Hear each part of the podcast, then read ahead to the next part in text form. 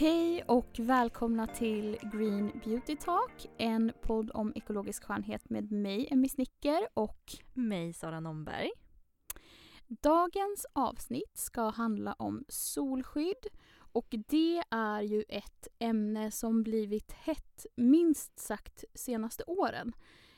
Um, tidigare har man kanske inte tänkt eller pratat så mycket om solskydd men det har ju verkligen blivit aktuellt oh. eh, de senaste åren.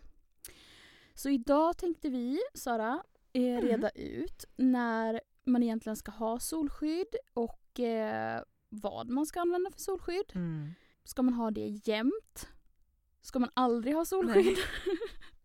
det finns många varianter ja. att, eh, som vi ska gå igenom helt enkelt. Ja.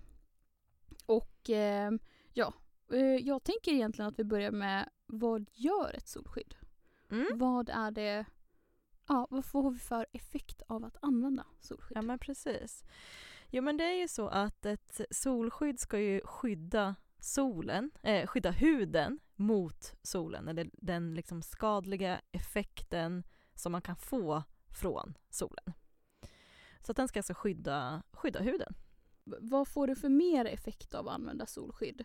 Jag tänker att anledningen till varför jag använder solskydd mm. är ju också för att eh, skydda mig mot åldrande ja, eller liksom rynkor. rynkor. Ja. Eh, men också mot cancer eller liksom Mm. fria radikaler. Mm, mm. Eh, Ja men precis, det kan jag berätta lite om. Ja, men Mm. Det är ju så att solen har ju en eh, negativ effekt på huden. Inte bara negativa effekter, men en negativ effekt som den har är att den tillför väldigt mycket energi till huden. Och den här energin kan sätta igång då eh, negativa reaktioner i huden som till exempel att det blir fria radikaler och den här fria radikalerna kan då leda till eh, ökad, eh, antioxi- eller ökade fria radikaler och leda till en inflammation. Och det i sin tur kan leda till liksom, cancer.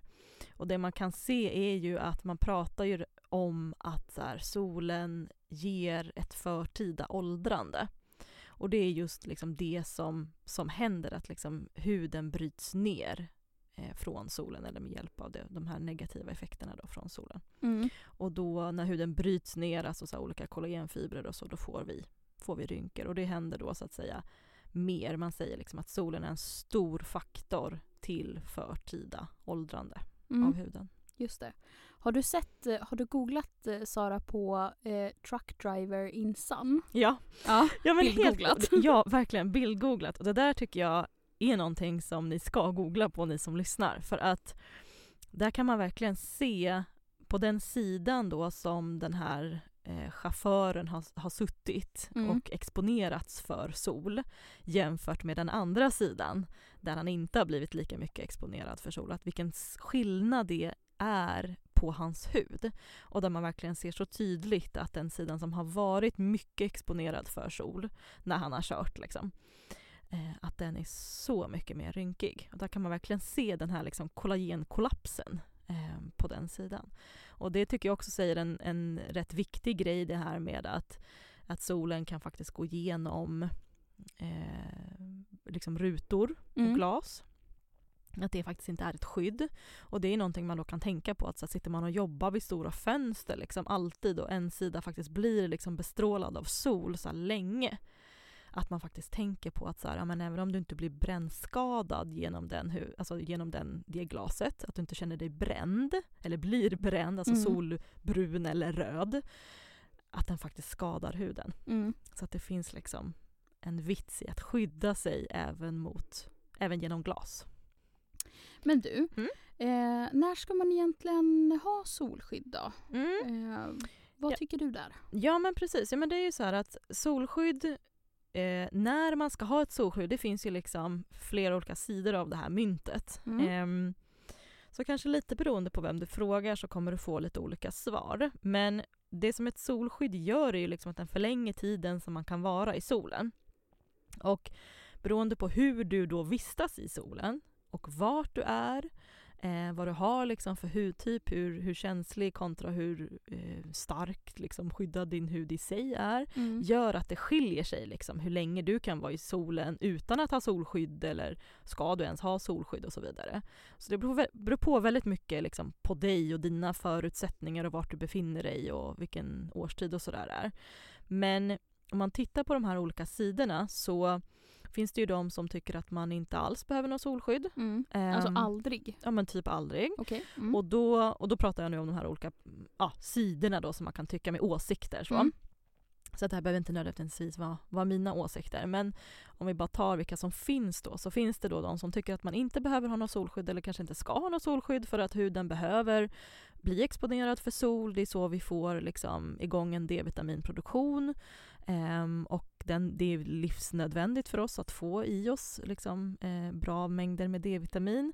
Eh, och att man egentligen ska tänka mer liksom, solskydd, solskydds, alltså så här, solskyddskläder och alltså så att man inte använder ja, men krämer eller så Mm. mot det utan att man använder andra typer av tekniker, typ kläder, hatt, skugga och så. Mm. Och sen vistas korta tider i solen. Det är liksom en sida. Sen finns det andra då som pratar om att man bara ska ha solskydd på sommaren. Eh, eller på våren eller liksom när solen aktivt är framme om man säger. Mm. Eh, och då kanske man är rätt duktig på det då. Ehm, men att man inte är så duktig annars om man säger. Eller inte har det så mycket annars. Och sen så finns det ju vissa då också som tycker att man ska ha liksom det året om för att man ska skydda sig mot förtida åldrande, rynkor etc. etc. Att man vill liksom optimera det på det sättet och alltid då ska ha solskydd. Mm. Så de olika, liksom, skulle jag säga, tre sidorna Mm. finns. Men Ja. vad tycker du då? då? ja, vad tycker jag? Jo men som hudterapeut och um, så, så skulle jag säga att um, vi ska prata lite kring vad det finns för nackdelar och fördelar med att ha solskydd och olika typer av solskydd. Mm. Och det spelar ju lite roll, alltså det är lite orsaken till varför jag kanske tycker och säger som jag säger. Men jag tycker att man ska, när man vet med sig att man ska vistas i solen under längre perioder, det vill säga på sommaren, på på våren, på Mm. stranden, Mm. eh, när det är liksom varmt ute, då tycker jag att man ska ha något typ av solskydd. Och då kan du tänka så här, vad är mitt typ av solskydd? Ja men då kan man absolut tänka att man vill skydda sig med hjälp av kläder och så, att man inte ska ligga i direkt sol och man ska undvika solen tycker jag, de solens starkaste timmar liksom mellan 11 och 3. Eh, oavsett vart du befinner dig, om det är i Sverige eller utomlands. Liksom. Men eh, jag tycker att du ska ha ett solskydd när du vistas i solen. Så ska du vara ute mycket, du ska ligga på stranden, du ska sola, absolut ha ett solskydd. Det tycker jag. Och då menar du solskyddskräm? Då menar jag något Mm. typ av aktivt solskyddsfilter. Liksom. Okej. Mm. Mm. Absolut. Och om det är en solskyddskräm eller gel eller mousse eller vad du nu än har, så Mm. absolut. Jag tycker att du ska ha någon typ av produkt som, som gör att du blir extra skyddad. Eh, och, eh, men sen är inte jag alls emot att man under liksom, att du kan sitta i vårsolen en kvart utan solskydd.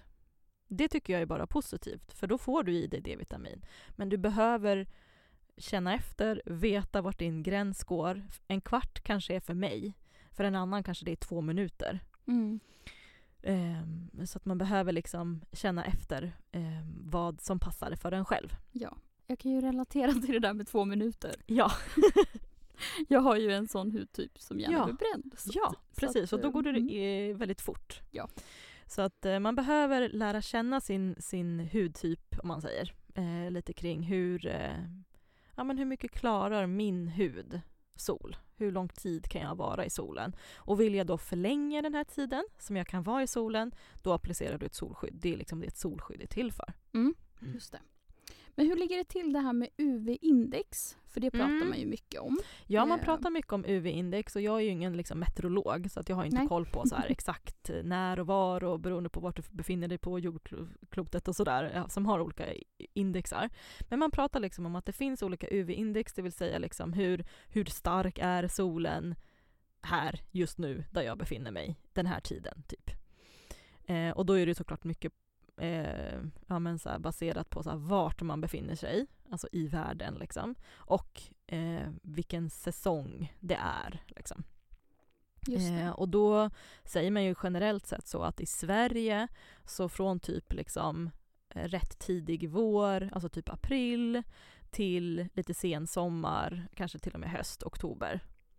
Då, då är det liksom ett rätt starkt UV-index. Eh, för då är det sommar, då är liksom, står solen högt då. Eh, och sen så kan man ju liksom alltid tänka på att så här, det betyder ju till exempel att vi inte säger januari när det är snö kanske. Mm. Men snö är ju så, den, den reflekterar ju mycket mera. Så att indexet liksom där och då i snön blir mycket högre. Så att där ska man liksom tänka på att eh, faktiskt kanske smörja sig om man ska vara ute mycket i snön och det är soligt. Liksom. Mm. Ja men det känner man igen typ när man åker på skidsemester Exakt. så brukar man ju ta med sig solskydd. Ja, Eller bli brunbränd i alla fall. brunbränd. Och sen samma när man är ute och typ seglar på vattnet eller sådär Exakt. så reflekteras det väl också i vattnet. Helt klart. Så där är det ju, där ska man tänka lite, lite extra. Ja Sara, eh, man hör ju mycket olika grejer kring solskydd. Allt Mm. från SPF, vad står det för egentligen? Olika filter. Mm. Eh, sen har vi ju det här med olika vad ska man säga, SPF-grader. Mm. 15, 30, 20, 50. Vad är det man ska ha egentligen? Mm. Och när? Ja. Kan vi reda ut det här? Ja. Ja. Ja. men självklart ska vi göra det. Jo men SPF-styrkorna handlar ju om liksom hur mycket av eh, solens strålar filtreras bort. Och då pratar man om UVB-strålarna. Mm. Och det är UVB-strålarna som liksom ger den här själva brännan. Eh, alltså både brunhet och rodnad.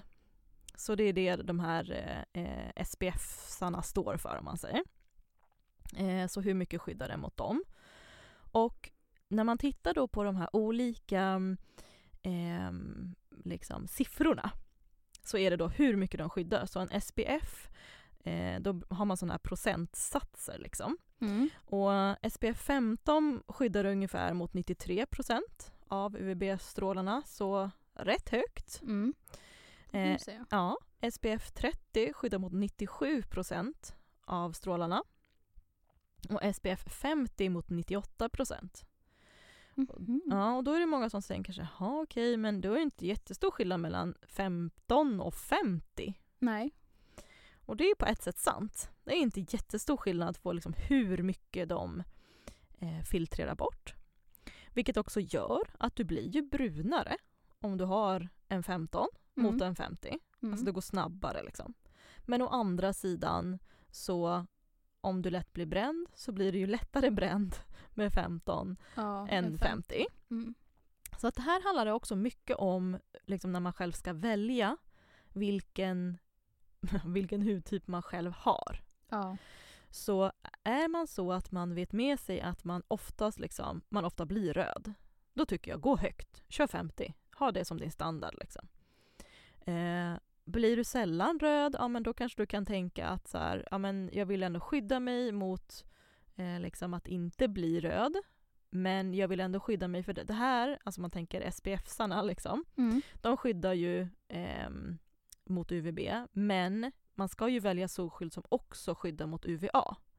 Så även om det är så att man inte blir bränd Mm. så kan man fortfarande bli skadad av solen. Det vill säga du kan eh, liksom få ett förtida åldrande och det ser du inte på huden. Okej, men vad är det för skillnad på UVA och UVB då? Ja, nej men så det man säger och det man ser är att UVB det liksom påverkar epidermis, alltså mer yttre huden, Mm. yttersta huden. Medan UVA går längre ner och då påverkar de här kollagenfibrerna, eh, vilket gör då det som man senare pratar om, det här med liksom att man får rynkor och den här så att säga, kollagenkollapsen, att de här elastiska fibrerna och de här stöttande pelarna i vår hud faktiskt bryts ner. Liksom. Aha, så UVB det är liksom själva solbrännan, Ja. den man ser direkt om man så säger. Precis, exakt. Och sen UVA är det man ser på sikt. Alltså Exakt, åldrandet. exakt. Ah. Så att om man säger då så att man, eh, nej men det är ingen fara, typ jag behöver aldrig solskydd för jag bränner mig aldrig så det är lugnt liksom. Då Mm. har jag så här mission complete, det är lugnt, jag Mm. behöver inte för jag så. det är liksom 50% av sanningen. Alltså du ser direkt att så här, okej, okay, nej men jag brände mig inte jättebra. Eh, med det skyddet jag hade så skyddade jag mig nog från UVB. Mm, det kan du konstatera. Men kanske inte UVA. Mm. Och det ser du inte och det vet du inte. Så det kan inte du ta slutsatser kring. Liksom. Bara av vad du ser med blotta ögat. Så med det sagt så är det ju rätt viktigt liksom att faktiskt skydda sig mot solen. Just det. Och om du gör det med hjälp av solkrämer eller solhattar eller vad du nu än gör. Men tänk verkligen på att eh, bara det, det, du ser är inte liksom hela sanningen. Mm. Ja, för det tycker jag ju ofta man hör. Eh, att just man säger att eh, eh ja, men jag blir inte bränd. Jag Nej. behöver inget solskydd. Nej. Eh, men då missar man ju som sagt UVA Ja men precis. Strålarna. Exakt. Så det, det är det här med liksom procenten och vilken SPF. Det handlar om kanske ja, men hur brun man vill bli. Mm. hur snabbt man vill bli brun. Men man ska ha liksom i åtanke då att eh, man får inte heller lika bra skydd mot UVA. Just det. Eh, så då är frågan liksom hur eh, duktig man vill vara med det. Mm. Och vill man vara liksom helt säker, ja, då ska man ju gå på så högt som möjligt alltid. Typ. Mm. Då ska du alltid välja 50 och, och, högre. Då, om det finns. Ibland finns det till och med 75 och 100. Liksom, men, mm. men 50 är kanske det mer normala. 30 och 50 är väl det som man kanske mest pratar om. Just det. Så jag kan ju tycka, ska man välja solskydd, ja men då tycker jag att då är det det man håller sig till. Liksom. Men hur ska man då egentligen smörja sig för att vara skyddad? För i alla fall när jag använder solskydd så är det ju ofta sommar och vår och så. Man mm. svettas lite grann, man kanske badar mm. eh, och sådär. Och då tänker jag att det man smörjde sig på morgonen kanske inte riktigt Nej. Eh, ger så bra skydd Nej. efter ett tag. Hur är det där egentligen? Ja, ja men det är ju så, precis som du säger, att eh, det handlar om att liksom smörja sig rikligt. Och det handlar om att eh, smörja på, alltså fylla på. Så att um, man brukar säga typ för en vuxen person så ska det vara liksom en full hand till hela kroppen. Mm. Um, och det räcker ju inte att man bara gör det på morgonen. Det är superbra att man tänker att man gör det på morgonen så man är skyddad en liten stund. Helt mm. klart, jättebra. På vägen till och så vidare. Men eh, när du har kommit fram och du som du säger har svettats, du kanske har badat och så vidare, så ska du fylla på. Så man brukar säga generellt sett så här, varannan eller var tredje timme. Eh, och eh, jag tänker också att, eh, eller många kan ju tro att om man har en, en vattenfast solskyddskräm till exempel så behöver man inte smörja efter man har varit i vattnet. Och det är faktiskt inte sant. Den håller absolut bättre men den har ändå försvunnit en hel del och speciellt eh, när tiden går och så vidare. Så att eh, man ska absolut liksom tänka på att man ska smörja, smörja på och fylla på för att hela grejen med solskydd är att det ska skydda. Och om du börjar känna att tiden börjar ticka och du kanske inte smörjer, då har du inte det skyddet fast du kanske tror att du har det skyddet och det blir ju rätt tokigt. Eh, sen tänker jag också det här med, liksom vissa tänker ju att man, eh, man behöver eh, liksom inte alltid smörja sig eller eh, alltså även om du ska, som vi sa, om du ska jobba till exempel, det handlar inte bara om att du kanske ska vara ute, utan det kanske handlar om att så här, du ska vara, ta din lunch ute i solen en hel timme. Det är rätt lång tid. Eller jag skulle säga det är, på sommaren är det lång tid för alla att sitta ute mm. oavsett mm. vilken hudtyp du har. Speciellt den tiden kanske? Speciellt den tiden och speciellt kanske, ja säg att man fortfarande jobbar, du har liksom inte mm. fått så bra skydd i sig själv. För det är ju ändå så, man, det har vi inte pratat om, men det är så faktiskt att ju brunare du blir i huden, mm. eller ju brunare du är i huden, desto mer skydd har du naturligt i huden. Just eh, så det är också så att ju tidigare på säsongen, desto mindre skyddad är du för att du inte har fått upp eh, något naturligt skydd. Mm. Och ju brunare du blir, desto mer skyddad blir du. Liksom. Mm.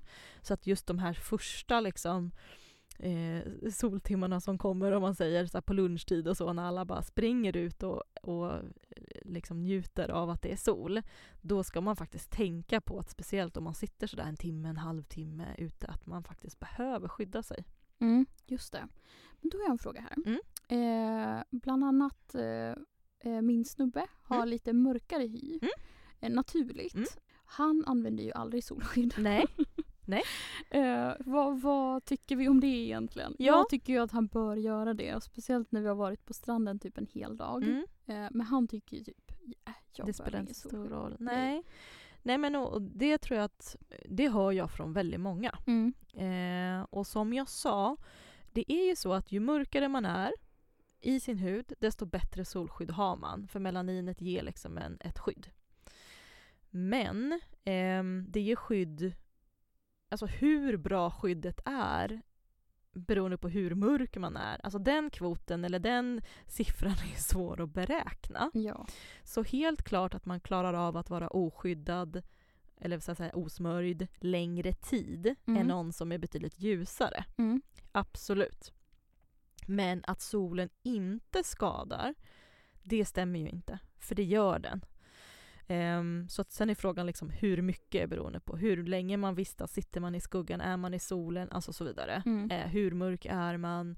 Eh, och så vidare. Så vidare liksom. Vart är man? Eh, liksom, vad är det för UV-index och så. Men jag skulle absolut säga att man bör smörja sig. Mm. Man kanske inte behöver smörja sig liksom, lika mycket eller med lika starkt solskydd som någon som är ljusare. Men på lång sikt så ser vi ju absolut att, att eh, det man, kan, man får ju pigmentsfläckar eh, när man har en, en eh, mörkare pigmentering i huden, eh, precis som när man är ljus. Det kanske inte syns lika väl bara, men Mm. Och sen Mm. tänker jag ju att UVA-strålarna borde ju nå en absolut. mörkare hy ändå. Ja, men självklart gör den det, men också såklart har de mer kan man säga, inbyggt solskydd också. Men frågan är hur mycket. Mm. Och den är liksom svår att svara på. Så att jag skulle absolut säga ja, jag tycker att man bör skydda sig. Mm. Det tycker jag att man bör göra. Och återigen det här med då att man kanske säger att men jag, jag bränner mig ju aldrig så att det är ju lugnt. Det är ju inte hela sanningen. Och Nej. det är väl den liksom aspekten som man behöver ta hänsyn till, att hur det påverkar med UVA. Ja, det är ju svårt att säga, vi ser om 50 år liksom. Mm. Men då Just är det det. lite för sent om man nu... Så. Och jobba förebyggande. ja, jag tycker att det är smartare att jobba förebyggande där. Ja. Och vi vill ju faktiskt tipsa om en app som vi hittade Mm. från Strålsäkerhetsmyndigheten Ja. som heter Min soltid. Mm. Och där fyller man ju i lite olika uppgifter och Mm.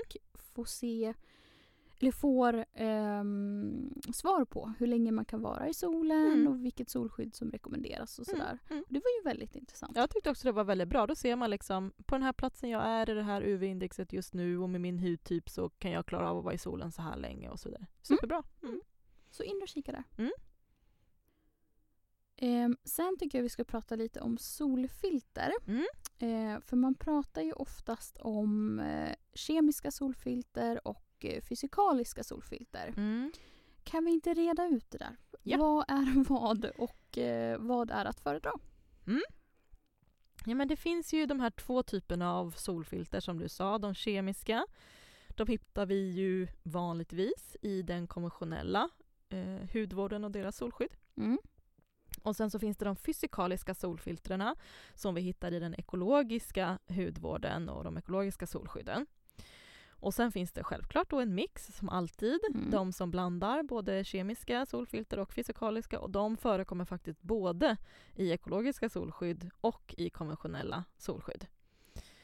Så det kan vara bra att veta. Ehm, sen då vad som är skillnaden på de här och ehm, vad som är för och nackdelar är ju lite olika då. Mm. Eh, om man tar de kemiska solfiltrerna så funkar de så att de liksom går in i huden och oskadliggör strålarna inuti huden. Och det som är fördelar med det, det är att de ligger liksom inte utanpå huden, de ger ingen vit hinna utan de går in i huden. Och det är många som tycker att det är väldigt positivt. Eh, de används ju också lite flitigt liksom och anses säkra på det sättet att de skyddar bra mot solen. Eh, däremot finns det lite nackdelar med dem. Eh, det finns flera kemiska solfilter som visar liksom hormonliknande effekter och då kan ha så att säga, hormonstörande effekter. Eh, man kan också hitta så här, nedbrytningsprodukter av dem i urin så att man ser att de liksom går igenom hela omloppet och man har hittat solf, liksom de här eh, solfiltrerna eller nedbrytningsprodukterna i bröstmjölken hos ammande kvinnor och det får man ju vidare till sina barn och så vidare. Så det är ju inte så himla nice. Nej. Ehm, och där ser man, eh, man pratar speciellt om de här liksom bensofenonerna och eh, cinamaterna. Så det är liksom som två typer av sol, kemiska solfilter. Det finns ju en, en hel del. Och då på ingrediensförteckningen kan man titta efter bensofenon 3, eller oxybenson som den också heter. Mm. Eh, eller de här cinamaterna då som jag pratade om. Eh, till exempel oktylmetooxycinamat. Eh, som är liksom, ja, det är de två vanligaste som jag tycker att man ska liksom titta efter och faktiskt undvika på grund av dess liksom hormonstörande effekt. Och sen så, så det är liksom om man säger för hälsan så. Mm. Men om man kopplar det till miljön så är det ju så att man ser också att bensofenonerna skadar korallreven. Eh, och det är ju absolut någonting som man bör vilja ha kvar. Och eftersom att man speciellt applicerar solskydd och sen går ut i vattnet, att det blir verkligen den här Effekt. effekt. Ja, verkligen att man, man liksom släpper det där det skadar som mest. Så att det är ju inte trevligt alls faktiskt. Nej. Och det finns ju eh, vissa, jag vet Hawaii bland annat, som Ja. har förbjudit eh, solskydd som Ja. skadar korallreven. Ja, Så att- exakt. Så att det tycker jag är aspekter man ska, man ska tänka på. Mm. Eh, och sen då så kom vi in lite på de här fysikaliska då. Och skillnaden är då att de lägger sig mer på ytan, det är mineralfilter och de reflekterar solstrålarna. Så de går inte in i huden utan ligger utanpå huden och då finns det en risk för den här vita hinnan på huden. Mm. Och eh, det är många som inte tycker det är trevligt och det man kan säga om det är väl att liksom, ju högre solskyddsfaktor du tar desto vitare blir det. Mm. För att det kräver då mer solskyddsfilter. Men å andra sidan kanske man vill ha högt solfilter, Ja. liksom, eller solskydd. Ehm, men sen är det ju så att det finns ju eh, jag ska säga att det har hänt, liksom, de senaste åren har det hänt väldigt mycket på liksom, ekomarknaden. För som jag sa då så är det här ju mest i de ekologiska solskydden. Just det. Och där tycker jag att man ser nu en hel del ekologiska solskydd som man inte får en vit hinna av men som ändå har en hög solskyddsfaktor. Ja. Och jag tycker man också börjar se mer ekologiska solskydd som är eh, färgade. Mm, och precis. det är, jag ska tipsa om några längre fram, Ja, men kul. de blir man ju verkligen inte vit av Nej. eftersom de är just färgade. Ja men precis, så det är också jättetrevligt och då har man tänkt ut lite på det sättet och det är ju smart. Väldigt Mm. smart tycker jag att tänka så. Ja. Ehm, och sen så just det här med, med eh, att man tidigare såg då att de här eh, fysikaliska gav en, en vit hinna. Det, det löste man ju många gånger med att man bröt ner de här solfiltrerna i mindre partiklar. Mm. Och det är det som man då kallar för nanopartiklar. Mm. Och då är partiklarna så små så att de ändå ehm, liksom, de gör ju sitt jobb och så, men de ger inte den här vita hinnan som de kan liksom tränga in ändå lite djupare då så att säga i huden. Mm. Eh, och det är ju positivt för då får man ingen vit hinna. Mm. Men, det har ju fått då, ja precis men, men det har ju fått en hel del kritik då för så här, vad är effekterna av att de här partiklarna är så små. mm. Man pratar ju bland annat om att man är rädd över att det kan gå över liksom, eh, cellmembranet och in i cellkärnan och liksom påverka DNA och liksom kan det bli en, en, en skadlig effekt liksom där. Eh, det vill man ju absolut man vill inte liksom manipulera med, med generna, det är koden för allt liv. Liksom. Just det. Ehm, så att, eh, och det som är positivt nu för tiden Mm. är att man faktiskt kan se på en innehållsförteckning om alltså vilken storlek partikeln är i. Mhm. Så om det står till exempel de olika fysikaliska solskydden är ju då titaniumdioxid eller zinkoxid och det är de här då som är intressanta, liksom, är de i nano eller inte. Just det, och det är de här som står på innehållsförteckningen. Då står det liksom titaniumoxid eller zinkoxid. Yes. Okej. Mm. Och om det då är i nano, då ska det liksom enligt lag, ska, inom EU är det här Mm. då, ska det enligt lag stå inom parentes nano efter. Mm, så då vet man att Ja, det är då nano vet eller man inte. att det är Mm. nano och då vet man också att om det inte står nano efter de här två, Mm. eller någon av de här två då, Mm. så är det inte i nanostorlek. Mm. Och då behöver man inte vara orolig. Nej, För det var faktiskt många som, det kom ut lite rapporter kring det för, jag vet inte om det är två år sedan kanske då, eller någonting.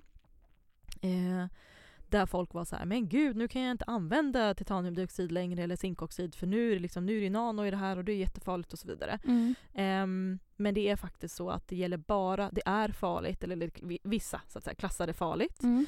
eh, misstänksamt liksom, om det är i nano, men nu står det, så då behöver man inte vara orolig om det inte står. Liksom. Men Nej. titta efter vad det står. Liksom. Vänd, på, vänd på produkten, kolla Ja. på innehållsförteckningen så vet du. Känns som att vi alltid så här, vänd på produkten och Ja. kolla på in, innehållsförteckningen. Ja, men men det är det man får göra helt Ja men det är det om man får göra och Mm. det, är ju, eh, det vi vill göra nu är ju att liksom ge informationen så att ni vet vad ni ska titta efter. Mm. Så att eh, ni tittar då alltså efter att liksom, är ett fysikaliskt solfilter, titta då om står det nano eller inte och gör inte det då är det liksom ingen fara. Men då kanske du kan bli vit, Mm. så då läs beskrivningen. Mm. liksom. Blir det vitt eller inte? Läs re- recensioner, blir det vitt eller inte? Är Ja. den färgad kanske är ett bra också Alternativ, tips då. liksom. Ja. Okej, men då tror jag att vi hänger med på det här. Så fysikaliskt solfilter Gud. Fysikaliskt solfilter Mm. reflekterar solstrålarna på ytan och det är Mm. därför man kan just få den här vita hinnan. ja. Medan kemiska solfilter inte gör det. Nej. Utan de går liksom eh, Djupare ner, ner. djupare Ja. ner i Mm. huden. Mm. Men då är frågan varför ska man då välja ekologiska solskydd? Alltså varför ska man välja de här med fysikaliska filter Mm. som vi liksom Ja men väljer. precis. Ja för jag förespråkar ju de ekologiska solfiltrerna Mm. med, eller ekologiska solskylt, eh, jag kan inte heller prata, ekologiska solskydd med de fysikaliska solfiltrerna. Just det. Och det är, tycker jag, för att om man tittar på de kemiska, alltså motsatsen då, om man eh, säger att vi vill ha ett solskydd och jag vill inte ha det kemiska, jo då vill jag inte ha det kemiska för att jag vill inte riskera de här hormonstörande effekterna. Så Mm. för hälsan så är det, tycker jag, ett säkrare alternativ att välja de fysikaliska. Jag tycker också för miljön att det är ett eh, säkrare alternativ för att du inte skadar liksom, de här korallreven. Och också vattenlevande organismer, för Mm. många är också dåligt för vattenlevande organismer och på samma sätt där då, det är ju det vi spolar ut i, eller ja, vi är ju i, vattnet liksom då generellt. Eh, sen är det inte bara det, för att det, allt hamnar ju ändå i slutändan i vattnet. Så det handlar inte bara om att man är där just där och då, utan det är egentligen generellt också. Ja. Absolut.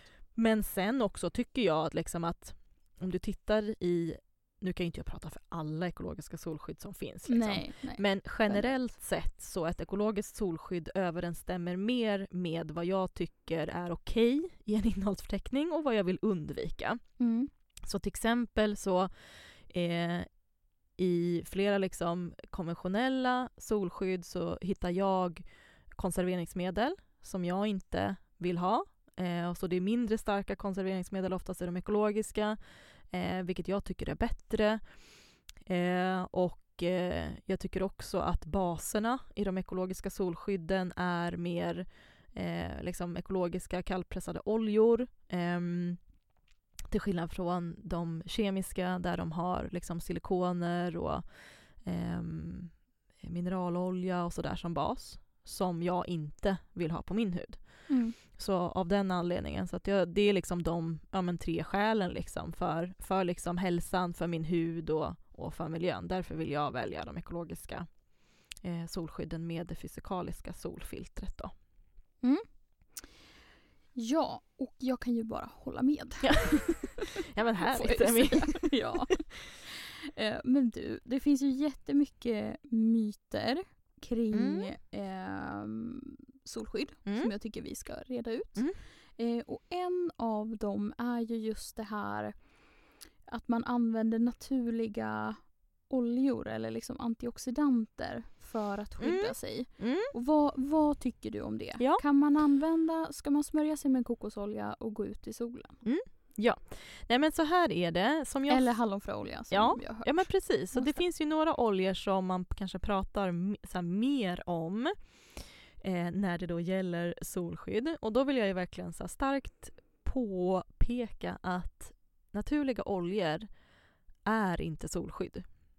Naturliga oljor kan inte förlänga tiden som du kan vistas i solen, vilket är liksom vad ett solskydd är. Så du kan inte säga att en naturlig olja är ett solfilter.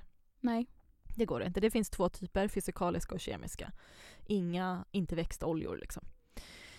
Ehm, däremot, det som jag tycker att man ska, så som man ska se oljor och liksom i solen, då tycker jag att man ska se oljor som naturligt rika på antioxidanter, vissa mer än andra. Så till exempel hallonfröolja är rik på det. Mm. Eh, De här lite mer orangea oljorna Mm. är rika på det. Typ morotsolja. Ja, typ. Mm. Absolut. Eh, eller nypon eller så. Ehm, de är väldigt rika på antioxidanter och antioxidanter skyddar mot fria radikaler. Och fria radikaler är någonting som solen orsakar som är negativt för huden. Så att smörja sig med olja för att skydda sig mot solen, ja, men för att skydda sig mot solens skadliga effekter långsiktigt, ja, absolut. Kortsiktigt, nej. Alltså Mm. du kan inte skydda mot UVB-strålar, Mm. så du kan fortfarande bli bränd och det är dåligt för huden. Eh, och eh, och liksom en, en solbränna, alltså när du har bränt dig, det är ju en skada på huden. Mm. Så att, och med det sagt då har du inte skyddat din hud för du har ju skadat den. Liksom. Så att en olja skulle jag mer se kanske som en after sun. Alltså någonting som liksom stärker huden långsiktigt och Vårdar efter solen vårdar kanske? efter. Liksom. Mm. Så att om du har utsatts för sol, du har kanske utsatts för den här så att säga fria radikal exponeringen, då tillsätter du antioxidanter som kan binda upp de här fria radikalerna och så ho- förhoppningsvis så är problemet löst. Liksom. Mm. Så att eh, mer, jag skulle mer se naturliga oljor som en, som en after sun Mm. än ett solskydd. Just det. Och hur ligger det till med eh, eteriska oljor då? Mm. Och solskydd? Eh, Ja. Finns det något att tänka på det? Ja men det tycker jag. Jag tycker att man ska undvika citrusoljor i solen, liksom i, i direkt solljus om man säger. Mm. Ehm, eftersom att de kan ha liksom en fototoxisk effekt vilket innebär att när du har den här produkten på huden och den får mycket sol på sig så blir det, kan det bli en reaktion som kan ge en liksom antingen en så direkt känslighet, att du blir röd, kliar, prickar och så vidare. Mm. Eller att det liksom eh, generellt sett du får en överkänslighet liksom där och det är väldigt synd. Så att eh, eh, undvik eh, speciellt då citrusoljor i eh, solen. Mm. Men sen finns det, kan jag bara säga som en liten parentes, sen finns det ju vissa citrusoljor. Det, man pratar specifikt, eller oftast om bergamott. Mm. Eh, och då finns det faktiskt bergaptenfri bergamott som är utan det här då som kan reagera i solen. Så många har också tagit bort det då. Så att man har som sagt kommit en, en bit i produktutvecklingen där. Så att det är inte alltid så att man behöver undvika eh, det. Men eh, generellt sett så skulle jag säga att försök undvika citrusoljor i direkt solljus. Och hur ligger det till med barn och solskydd? Ja. ja, men så här, jag skulle säga generellt sett så tycker inte jag att alltså barn, barns hud är ju liksom inte lika sky- alltså vi barn är inte lika skyddade som vuxna.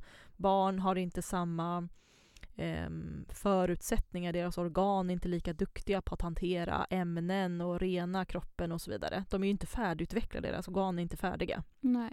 Så jag tycker egentligen inte att man ska smörja onödigt mycket på barn. Eh, utan man ska liksom försöka skydda dem mer naturligt då kan man säga. Med liksom, vara i skuggan, ha solskyddskläder, solhatt. solhatt. gulligt. och det är ju, ja, men, ja men verkligen. Och det är ju det här med liksom det är jättehärligt med så barn som badar nakna och plaskar i vattnet. Liksom. Alltså verkligen. Men det är inte jättebra för huden liksom, i vattnet. Och då kanske man tänker att då vill man smörja. Och ja, fine, gör det då. Men barn vill ju oftast leka lä- länge ute och så. Så ha på dem liksom solskyddande kläder. Det finns ju här dräkter. Mm. Och det är verkligen av ett skäl. Alltså de är ju jättebra. Så mycket hellre tycker jag att man tänker sätt på dem rätt kläder än smörj med massa solskydd. Liksom. Det. Men annars finns det ju bra solskydd som är anpassade för det. Så. Ja, då är vi framme vid våra bästa tips. Ja, Eh, ja, och eh, Sara, jag tänkte börja fråga med dig. Mm. Hur gör du Mm. eh, på, med solen Mm. och eh, hur gör du med solskydd? Ja men för att ge lite bakgrund då. Så jag har en hud som, jag är mörkhårig naturligt. Jag har en rätt ljus hud. Eh, men jag blir sällan röd eh, och jag blir alltid brun. Väldigt lätt brun. Eh, jag eh, tänker generellt sett oftast på att skydda mig med kläder. Jag känner oftast inte att jag behöver pressa ut i solen. Kanske också har med att göra att jag vet att jag blir brun. Mm. Om man nu är en person som vill bli brun. Ja. Ehm, så att, men jag använder solskydd på sommaren, även i Sverige. Eh, och eh, jag gör oftast mitt egna solskydd. Men jag köper också solskydd. Så att det är inte bara så att jag gör mitt eget. Men de senaste åren så har jag väl mest gjort mitt eget. Mm. Så. Men kanske köpt och kompletterat, absolut. Det har jag också gjort. Men. Eh, och då... ehm, jag tänker, på sommaren generellt sett smörjer jag mig alltid på morgonen. Eh, oavsett vad jag ska göra. Och är jag på jobbet då har jag alltid grejer där såklart. Vi är väldigt välutrustade på vårt jobb Ja. eftersom att vi jobbar med, med liksom hudvård. Eh, men där tänker jag verkligen liksom på att smörja mig eh, liksom innan man sitter ute och efter man har smörjt sig. Eh, så att, det kan jag också säga faktiskt att när jag kommer in efter en lunch Mm. och jag känner att jag har blivit varm i huden, Mm. då sprayar jag alltid huden med ansiktsvatten för att Mm. kyla ner huden. Och jag smörjer mig alltid med en ansiktsolja efteråt. Mm, Och det gör jag som standard, liksom, alltid. Och det Mm. känner jag verkligen så för att solen torkar ut huden. Mm. Eh, och eh, en uttorkad hud vill man ju inte ha av massa olika skäl. Men, ehm, men man får en mycket liksom, friskare hud när man så att säga försöker ta tag i problemet ganska omgående. Mm. Så att om jag känner att jag har blivit liksom, varm och fuktfattig då kyler jag och ger mer fukt. Liksom. Mm. Rätt direkt. Eh, men annars då när jag gör, eh, om man ska göra sitt egna solskydd, och då jag tycker generellt sett att eh, solskydd är en sån här viktig grej. Som det är liksom viktigt att man gör det rätt. Eh, för att det har ett så viktigt, en så viktig funktion. Så mitt tips är att gå in på jag tycker att Organic Makers har jättebra recept, tydligt, liksom, går rätt att följa, går lätt att köpa bra ingredienser och så vidare. Mm. Så jag tycker att gå in på Organic Makers och sök på deras solskyddsinlägg som de har. Liksom. Läs om det och, eh, och gör eh, efter de måtten så att det blir rätt solskyddsfaktor i det ni gör. Liksom. Mm. Ja just det, för det vill man ju inte. Ja, det vill man ju ha. Ja. Man vill ju inte tro att man har 50 och så har man en på 15. Liksom. Nej, det är ju nej. rätt illa. Ehm, så att, eh, men jag gör oftast med, ehm, eller jag ska säga att jag gör alltid med en blandning oftast av zinkoxid och titaniumdioxid. Eh, för att eh, det ser man ger ett bra spektrum när man blandar dem. Man Mm. måste inte göra det, jag har inte gjort det i alla år men de senaste åren har jag gjort det. Eh, och sen så blandar jag också alltid i, eller på senare år brukar jag alltid ha Carania-olja som bas. Carania-olja är faktiskt den enda vetenskapligt eh, liksom bevisade vegetabiliska oljan som i sig har ett solskydd. Mm. Men eh, vilken SPF det är går ju... Ja, det finns en hel... Ja, det finns, man, ni kan läsa om det online, ni kan läsa det på Organic Makers och så, men, men ehm, jag tycker inte att det är ett fullvärdigt solskydd. Utan jag blandar det ju som sagt med ett fysikaliskt, lite mer riktigt solskydd om man får säga så. Mm. Mm.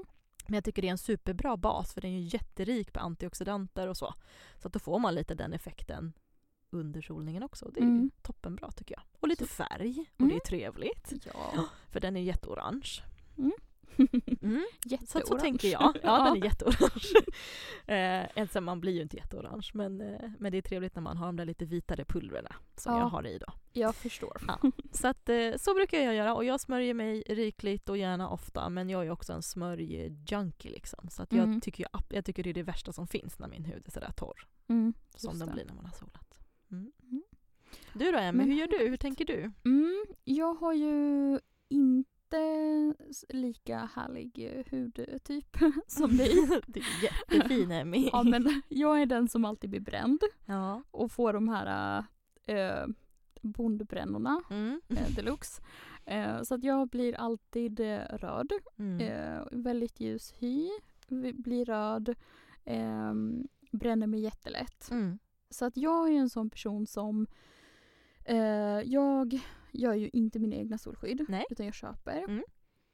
Eh, väljer ekologiska varianter och jag skulle säga att jag börjar använda solskydd någonstans i april Mm. när solen börjar titta fram. För då om jag skulle sitta ute och äta lunch eller typ ta en promenad eller någonting. Alltså då känner jag ju på en gång att Ja. min hud blir lite bränd om Mm. jag är ute i en kvart. Mm. Eh, jag känner att jag blir liksom varm och så röd. Mm. Eh, så att jag börjar gärna med solskydd i april Mm. och sen håller jag nog på fram till september kanske. Mm. September, okto- oktober någonstans där. Mm. Jag känner att solen är på väg att försvinna igen. Mm. Eh, och då är det ju framförallt liksom ansikte, dekolletage, händer och armar. Mm. Det är väl det som är det mest liksom Ja. Utsatta på mig. Eller Ja. vad man ska säga. Ja. Och här, eh, såklart, skulle jag vara, ha kortare kläder eller vara på stranden eller någonting då är det ju hela kroppen. Mm. Mm. Men eh, ja, solskydd. Mm. Ehm, Jag tycker du sa en väldigt bra grej där med Mm. händerna. Mm. Eh, för det är ju verkligen så att händerna är något man kanske inte tänker på men det är där man först ser den här förtida åldrande huden. Jag vet. Så det är faktiskt jätteviktigt att tänka på att så här, huden på händerna är så utsatt. Den är ju ja, väldigt exponerad i Väldigt solen. exponerad. Den har ju aldrig kläder på sig liksom och så. Nej. inte i solen i alla fall. Nej, sällan man har handskar på Ja, sig på sällan. sommaren. Verkligen. Så att ehm, nej, tänk verkligen på att smörja er, er där. Och det är också Mm. som vanligt misstag om man är ute på promenad och så i sandaler att man bränner sina fötter för man har inte tänkt på Ja, fötterna. Gud, liksom. det, det är ju Mm. jag. Om Ja. jag inte smörjer mina Ja. fötter. Ja, och det är väldigt många som är det. Så att det, det är verkligen sådana tips här.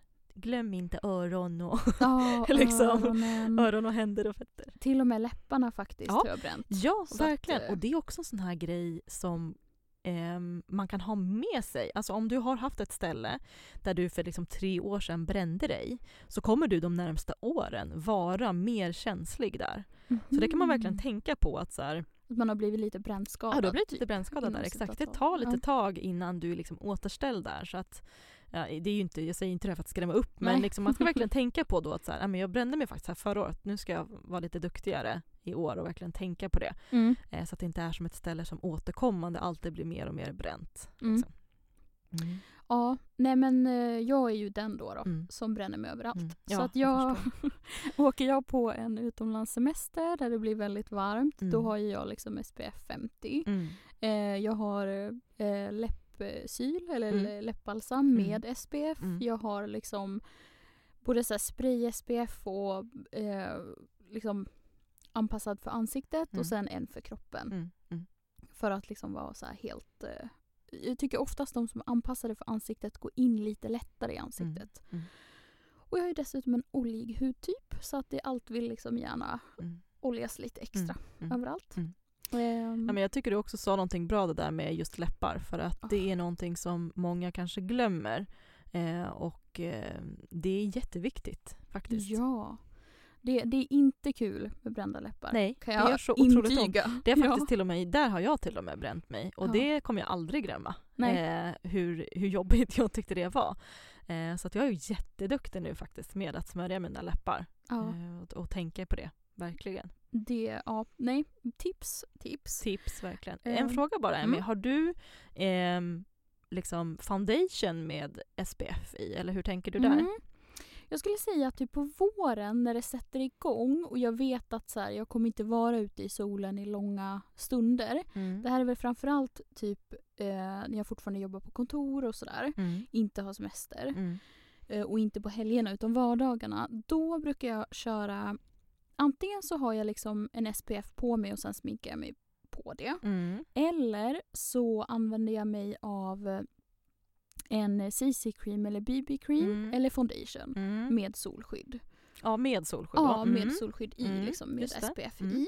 Ehm, och då är det ju ofta lite lägre så då kan det vara liksom 15, 20, 30 kanske något sånt där. Men då tycker jag att det räcker eh, för att jag kanske totalt maximalt är 15 minuter i solen på en hel dag. Eh, men skulle jag gå till stranden så skulle jag ju aldrig ta på mig bara en. CC-cream med 15 Nej. SPF för då Nej. är jag ganska bränd. Mm. Eh, så det går inte. Mm. Ehm, men ja, så jag tänker lite olika. Mm. Kontoret kan det bli lite lättare solskydd. Mm. Och sen till stranden då är det absolut liksom maximal, maximal styrka för mig. Yes, ja, jag fattar. Jag tänkte faktiskt ge lite tips på den som sitter och funderar på vad ska jag köpa för solskydd Mm. då, då? Yes. Om man inte vill tillverka sitt egna. Mm. Mm. Och då eh, tycker jag att eh, Hynt Beauty gör Mm. en, ett väldigt bra solskydd för Mm. ansiktet. Den är ju dock svindyr Mhm. ska jag säga direkt. Mhm, Eh, mm. men om man har de pengarna att Mm. lägga ut och vill ha ett riktigt grymt solskydd Mm. eh, så spana in Hynt Mm. Beauty. Mm. Sen eh, gör Use Beauty Mhm. också ett eh, väldigt bra solskydd till ansiktet Mm. som är oljefri från olja. Mhm. Och det kan vara ganska nice om Mm. man har eh, man svettas Mm. eller man är ehm, lite blankare eller Mm. liksom bland oljigare hy. Mm. Så är den riktigt härlig. Eh, spana in den och sen gör Madara bra solskydd. Eh, Mossa har också kommit ut Mhm. Med eh, färgade solskydd för ansiktet. Mhm. Ganska härligt. Och sen för kroppen så har jag favoriter från Biosolis och eh, Eco Cosmetics. Mm. Eh, Eco Cosmetics har framförallt ett eh, med SPF 50 Mm. Med, eh, som är tonad. Just det. Och den blir näs, nästan lite så blurrande på kroppen också. Mm. För att den liksom, ja, Ja, den är Som ett nice. filter liksom. Ja, Instagram-filter. Ja. Ja. Så den kan jag tipsa om, Ja. den gillar jag. Trevligt. Eh, och sen tänkte jag också tipsa om Biorigena för känslig hud. Okej. Ja. Och det, det, du var inne på det lite där, kanske vad man har för hudtyp och så. Det är många som upplever att det kan vara ett problem att ha solskydd. Eh, Jag är faktiskt en sån person som Mm. har en blandhy som tycker att solskydd kan alltså, riktigt skaka om det och inte alls bli bra. Liksom. Att jag alltså, får mycket fin- nya finnar liksom, Ah, efter en okej. dag med solskydd. Ja. Så för mig har det också varit väldigt viktigt, och jag vet att det är så för många, att välja rätt solskydd. Mm. Liksom. Testa sig fram och ta någonting då som är, alltså, inte har så feta baser. Liksom. Mm. Eller om det kanske då finns ett, något som är helt oljefritt, och jag vet inte vad den är baserad på då istället, men något Mm. som gör att det liksom inte är lika så att säga komedogent. Så tyvärr är ju det är någonting som man kan titta efter lite. Jag tycker att Eco Cosmetics har en eh, solgel Mm. eh, på SPF 30 som jag tycker funkar väldigt bra, eller har funkat bra för mig. Mm. ehm, som har en blandhy. Liksom. Just det. Ja, bra tips. Mm. Verkligen. Eh, och sen tänkte jag också ge ett tips nu, apropå läppar nu då. Mm. Eh, då har jag hittat, eh, för att det, det finns lite ekologiska märken, typ Hurra och eh, Mm. Eco Cosmetics tror jag. De ja, Eco Cosmetics har också en, Ja. jag, den har jag köpt. de har liksom stift för läpparna. Mm. Jag tycker de kan bli lite vita. Ja, det blir de tycker Ja. jag också. Eh, och eh, antingen är man fine med det Mm. och tänker att jag vill bara skydda mig och jag är Mm. bara på stranden, det spelar ingen roll. Mm.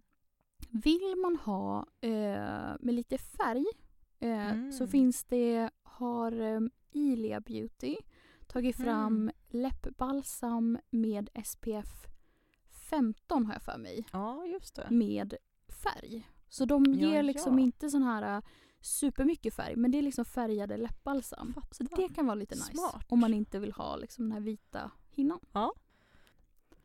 Men du, jag tänker nu eh, det här med att man kanske kan bränna sig eller känna sig väldigt varm efter en dag i solen. Mm. Vad kan man göra då? Jo, men om man har någon slags, eh, fått någon liten solsveda, eh, Mm. prio ett är fukt, fukt, fukt. Eh, så det du har gjort är att du har liksom eh, torkat ut din hud. Det är liksom det som har hänt. Så du behöver verkligen applicera fukt på din hud. Jag tycker att aloe vera är ju alldeles utmärkt för det. Mm. Eh, någon aloe vera gel. Kan man ha en aloe vera gel i kylen? Jättebra, Mm. då är den extra kall. Skönt. Så lite kalla omslag, lite kylande, fuktande, superbra. Pepparmynta är också så här svalkande. Så att jag eh, brukar ha som så här, ja, men pepparmynts tepåsar. brukar jag alltid ha när, när jag åker utomlands till exempel. Um, och då, um, det kan man ju köpa utomlands också verkligen, så man behöver inte ta med sig det.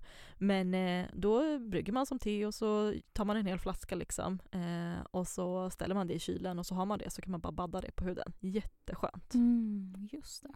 Eh, så det tycker jag är ett jättebra tips.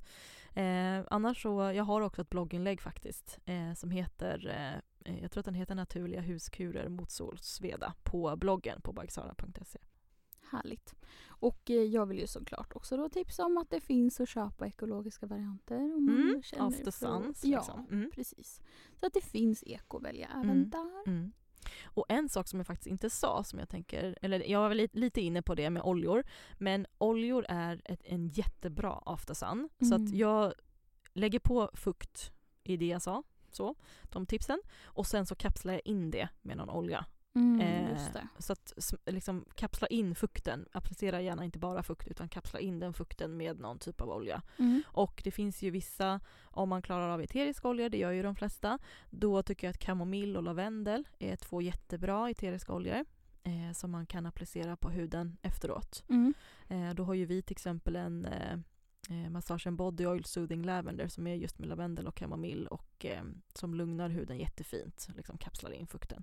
Just det. Ehm, Men då, jag ska bara fråga, visst ska man inte lägga eterisk olja direkt på huden? Nej. Utan man ska blanda ut Nej det men med... precis, jättebra. Nej, den, eh, eterisk olja ska alltid späs. Ja, då hoppas jag att ni har lärt er en hel del om solskydd. Och att vi hjälpt er komma fram till vad det är ni ska välja egentligen. Mm. Nu när solens strålar börjar kika fram. Mm. Och eh, så vill jag passa på att eh, påminna er att följ, följa oss på Instagram. Eh, där heter vi Green Beauty Talk. Mm. Så följ oss där. Där kan du också ställa frågor till oss eller önskemål. Precis. Och sen eh, vill ni följa mig så följer ni mig på Emmy Snicker på Instagram. Och var följer man dig Sara? på, eh, på eh, Sara Nomberg och Organics by Sara. Och så vill vi också säga ett stort tack till poddrummet och Black Pixel för att vi får låna eh, deras poddstudio. Tack. Hej då! Tack hej!